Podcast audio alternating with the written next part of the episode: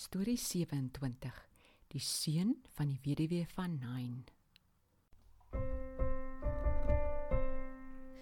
Kom luister na die storie se les almal waar. Al wil jou hart kom aanraak, so maak jou daarvoor klaar. Hallo Tobias.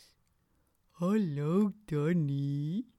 Ek sal kom hoor of Tannie Serngay 'n nuwe storie het.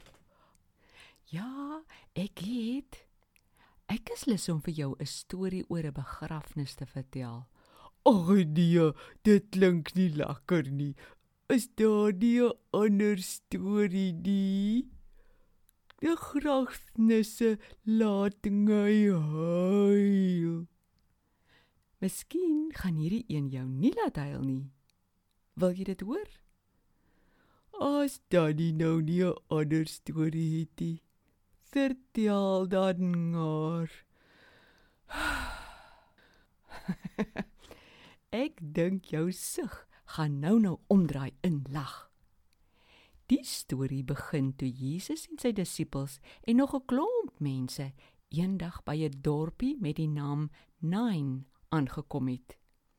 Hulle was nog 'n entjie van die dorp af. Toe sien hulle daar is 'n lang tou van mense wat stadig stap uit die dorp uit. Toe hulle naderkom, toe sien hulle hoekom hulle so stadig stap en hoekom feitelik die hele dorp se mense saam stap. Das dit die die grafnis Tannie? Ja, dit was 'n begrafnis. Wie het dood gegaan? Dit was 'n jong man. Hy was die seun van 'n weduwee. 'n Weduwee is mos 'n vrou wie se man dood is. Hierdie seun wat nou dood is, was haar enigste seun. Daddy, het Jesus haar jonger gekry? Ja, Tobias, baie jammer. Hy het daar sommer nog meer jammer gekry as wat ek en jy sou. Want hy het geweet dat 'n vrou wie se man en seun dood is, baie swaar gaan kry. Sy gaan niemand hê om vir haar te sorg nie. Weduwees sonder 'n seun moes in daardie tyd bedel om 'n stukkie kos te kry. Jesus loop toe na die mamma van die seun wat dood is en hy praat met haar. Dat sê hy toe vir haar.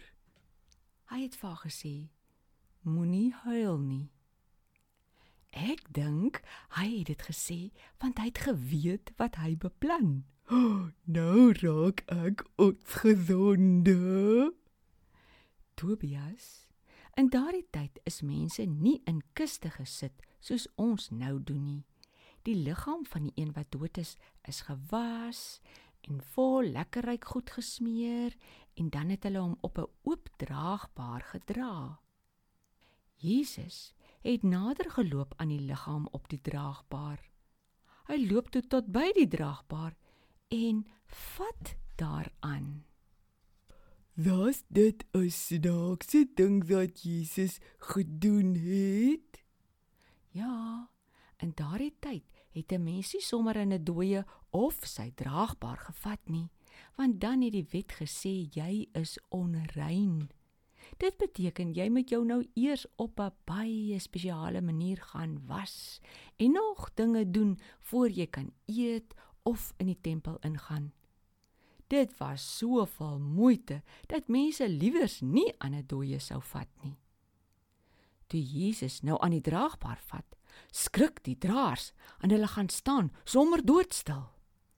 Ek dink die mense het vir Jesus baie snaaks aangekyk. Hulle het gewonder: "Wat maak hierdie man nou?" Hy sê glad vir die mamma sy moenie huil nie. Hy stop die hele begrafnisstoet en hy vat sommer aan die draagbaar. Dalk het die tannies so aan mekaar gestamp, stamp en vir mekaar gekyk. En wat gebeur toe? Tobias, Jesus praat toe met die liggaam daar op die draagbaar. Hy sê vir hom: "Jong man, Ek sê vir jou, staan op. En dadelik, net daar, gaan sit die dooie man regop op die draagbaar. En hy begin praat. Dis fantasties wonderlik. Jesus is fantasties wonderlik. Jesus het die jong man lewend gemaak en aan sy ma teruggegee. Ek verbeel my hoe die mense hulle asems ingetrek het en hoe daar eers stilte was voor die eerste mens uitgeroep het: "Prys die Here!" 'n Ander een het geroep: "'n Groot profeet het onder ons opgestaan." Nog een het geroep: "God het na sy volk omgesien." En ek dink die nganga het nou eers gehuil, maar dan bly wees. O, ek wil ook nou sonder huil en lag dan bly wees. Dink net hoe bly was die nganga oor haar seun. O, Tannie, ek is so bly dat jy het toe self verny die storie vertel. Tobias, nadat die jong man lewend gemaak is, het die mense oral vir ander mense van Jesus vertel, sommer in die hele Joodse land en sommer nog in lande naby ook. Die mense kon nie ophou om te vertel wat Jesus gedoen het nie. Danny, ons moet ook nie ophou mense van hom te vertel nie. Die nuus oor hom moet uit. Dis hoekom ons mos die stories vertel. Ai, ek is so bly oor die stories. Ek loop nou eers om hierdie storie te gaan oorvertel, dan kom ek weer. Totsiens, Donnie. Lekker oorvertel.